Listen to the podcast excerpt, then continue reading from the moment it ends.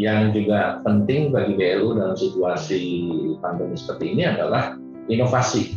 Aspek inovasi ini menjadi sangat penting karena inovasi merupakan ciri karakter dari suatu unit organisasi untuk bisa survive dengan inovasi di bidang banyak hal termasuk di bisnis, bisnis proses sehingga peningkatan pelayanan cepat akan menjadi kompetisi yang sehat di antara BLU yang serumpun kemudian inovasi di bidang organisasi di bidang TSDM teknologi informasi dan sebagainya. Semua akan mendorong. Media Keuangan Podcast. Untuk meningkatkan kualitas layanan kepada masyarakat pemerintah menerapkan konsep enterprising the government atau mewirausahakan birokrasi dalam wujud Badan Layanan Umum atau BLU. BLU tidak mengutamakan mencari keuntungan, dikelola otonom dengan efisien dan efektif, serta diberikan fleksibilitas dalam pengelolaan keuangan. Bagaimana upaya BLU mempertajam perannya di tengah pandemi, terutama untuk mendukung upaya pemulihan ekonomi? Simak perbincangan media keuangan dengan Direktur Jenderal Perbendaharaan Kementerian Keuangan Hadianto pada podcast edisi kali ini. Di tengah pandemi COVID-19 ini, Pak, pemerintah tetap harus memberikan pelayanan publik yang optimal dan berkualitas. Nah, bagaimana nih Pak Ditjen Perbendaharaan selaku pembina pengelola keuangan Badan Layanan Umum atau BLU menghadapi tantangan pandemi ini, Pak? Baik, terima kasih.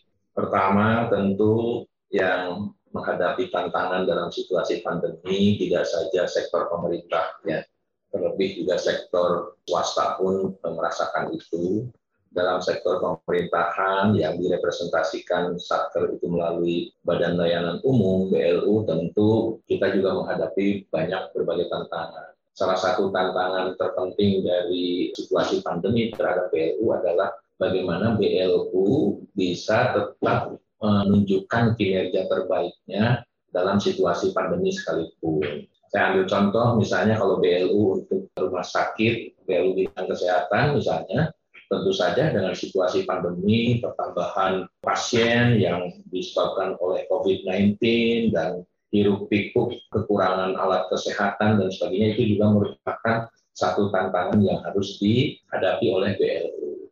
Nah, dalam konteks yang lebih luas, pemerintah memberikan perhatian yang sangat luar biasa terhadap pemulihan ekonomi lah pada umumnya pemulihan ekonomi akibat dampak pandemi yang sudah masuk ke tidak saja ranah kesehatan, kemanusiaan, tetapi juga ekonomi. BRU sendiri kita ingin memastikan bahwa tetap berkinerja baik. Nah, hal-hal yang menjadi tantangan utama dari pengelolaan BLU dalam situasi pandemi tentu ya Pertama, BLU harus tetap disiplin dalam merencanakan semua kegiatan yang tercermin dalam cara bisnisnya. Itu satu. Yang kedua, BLU harus responsif, harus lebih responsif terhadap situasi pandemi yang dihadapi, sehingga berbagai layanan yang berkaitan langsung dengan dampak pandemi ini juga bisa tetap terdeliver dengan baik. Ketiga, tentu saja berbagai indikator yang berkaitan dengan pengelolaan PLU ini tetap terjaga. Tata kelola, bisnis proses, organisasi SDM. Yang juga penting bagi BLU dalam situasi pandemi seperti ini adalah inovasi. Aspek inovasi ini menjadi sangat penting karena inovasi merupakan ciri karakter dari suatu unit organisasi untuk bisa survive dengan inovasi di bidang banyak hal termasuk di bisnis proses sehingga peningkatan pelayanan cepat akan menjadi kompetisi yang sehat di antara BLU yang serumpun, kemudian inovasi di bidang organisasi, di bidang TSDM, teknologi informasi, dan sebagainya, semua akan mendorong. Dan ini menjadi momentum yang tepat bagi BLU juga untuk mengakselerasi hal-hal yang selama ini mungkin dilaksanakan dalam situasi normal. Dengan adanya pandemi, berbagai langkah inovasi ataupun terobosan yang diperlukan untuk peningkatan kinerja BLU ini maupun kontribusi BLU secara umum itu bisa lebih diakselerasi. Baik Pak, eh, tadi Bapak menekankan mengenai inovasi juga Pak dan pemulihan ekonomi. Pemerintah saat ini juga sedang menjaga momentum pemulihan ekonomi. Nah, bagaimana Pak eh, menurut Bapak apa saja yang perlu dilakukan untuk meningkatkan peran BLU dalam mempercepat pemulihan ekonomi ini Pak? Ya, tentu kan BLU itu ada rumpunnya ya. Ada rumpun kesehatan, BLU kesehatan yang direpresentasikan dengan rumah sakit, rumah sakit, rumpun pendidikan yang di BLU BLU pendidikan, universitas, ada rumpun pengelolaan dana, dan ada rumpun pengelolaan kawasan. Tidaknya ada empat itu. Tentu saja masing-masing BLU memiliki tantangan yang berbeda masing-masing pada rumpunnya itu pada aspek kesehatan itu tadi sudah saya sampaikan bahwa terobosan yang diperlukan di bidang layanan kesehatan BLU kesehatan adalah bagaimana meningkatkan ataupun tetap berkinerja baik di selama pandemi ini dengan katakanlah inovasi produk layanan. Yang tadinya tidak melayani pasien karena COVID-19 ini menjadi melayani. Kemudian dari aspek segregasi, pemindahan, pemisahan ruang pelayanan COVID-19 dan tidak 19 dan publik menjadi nyaman untuk bisa berobat ke rumah sakit eh, tertentu yang telah ada disiplin pemisahan antara COVID pasien, non-COVID pasien, itu juga akan mampu meningkatkan kepercayaan publik untuk bisa jadi terobosan produk, terobosan bisnis, proses ya layanannya dipercepat segala macam per telepon atau panggilan dan sebagainya itu. Nah untuk WLU, WLU lain yang bersifat pengelolaan dana misalnya, tentu saja terobosan yang berkaitan dengan bagaimana optimizing investasi dana yang dikelolanya sehingga memberikan return yang lebih luas itu juga penting. Tetapi kan eh, kondisi global bahkan ya kondisi global nasionalnya itu memang sedang mengalami tekanan yang luar biasa. Sehingga banyak indikator-indikator ekonomi yang memang jeblok. Sehingga berbagai dimensi investasi maupun suku bunga misalnya juga ya, interest rate dan sebagainya juga terpengaruh. Dan ini menyebabkan yang terpenting adalah aspek survival itu satu hal tetapi kinerja tetap dipertahankan, inovasi juga harus terobosan-terobosan seperti itulah yang harus ada pada BLU eh, BLU.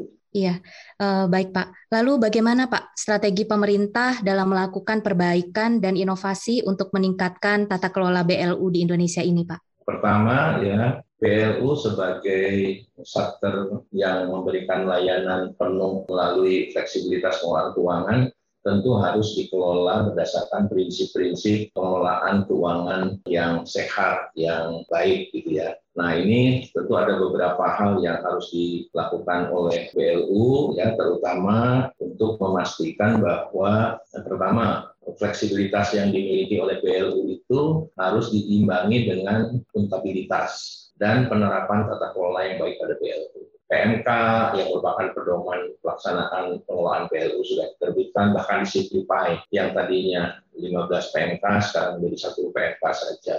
Nah yang kedua dalam rangka memperkuat tata kelola BLU tersebut kita juga akan telah melakukan maturity assessment yang menilai tingkat kedewasaan BLU yaitu yang dinilai tidak saja berdasarkan output base-nya gitu tetapi juga proses base. Jadi kalau bicara maturity organisasi termasuk BLU yang maturity rating itu kita juga melihat prosesnya. Prosesnya itu seperti apa kemudian kinerja, kemudian outputnya seperti apa. Nah, itu salah satu bagian guidance pemerintah terhadap BLU-BLU supaya berkinerja lebih baik. Dan overall semuanya tentu penguatan peran dari instansi pembina, kemudian dewan pengawas, direksi, manajemen, semua itu dimaksudkan untuk bagaimana membangun mendorong BLU supaya bisa berkinerja lebih baik lagi. Overall kita punya berbagai ketentuan yang simplify termasuk memanfaatkan teknologi informasi ya dengan pelaporan melalui BIOS gitu seperti ya seperti itu. Ini diharapkan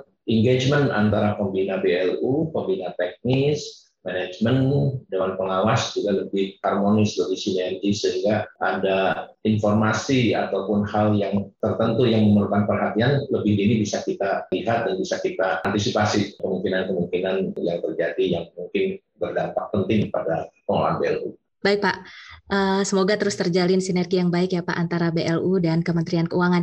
Terakhir Bapak, terakhir uh, harapan Bapak bagi kemajuan BLU mungkin bisa disampaikan Pak.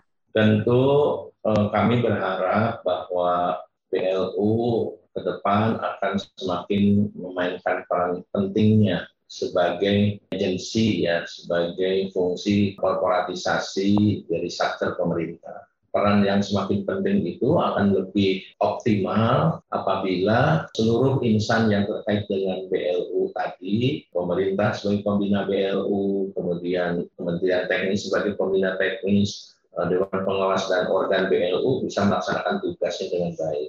Aspek tata kelola menjadi sangat penting untuk menjadi pedoman terus-menerus dari BLU dan target-target yang lebih menantang, baik itu yang terkait dengan aspek pelayanan, aspek finansial, aspek lain yang terkait dengan bisnis proses, itu tentu sangat diharapkan dikembangkan, didorong oleh BLU. Sehingga BLU hadir di tengah masyarakat dengan memberikan values terbaiknya, dengan peningkatan pelayanan yang prima, tapi sekaligus dia juga punya kapasitas untuk mengenerate pendapatan yang berasal dari PNBP, walaupun kita tahu BLU tidak melulu untuk memperoleh profit ya, tetapi pengelolaan yang baik, efisiensi yang tepat, kemudian pemanfaatan teknologi yang tepat itu akan berdampak pada kinerja operasional, kinerja layanan, dan kinerja keuangan akan membaik. Sehingga tujuan BLU bisa tercapai dengan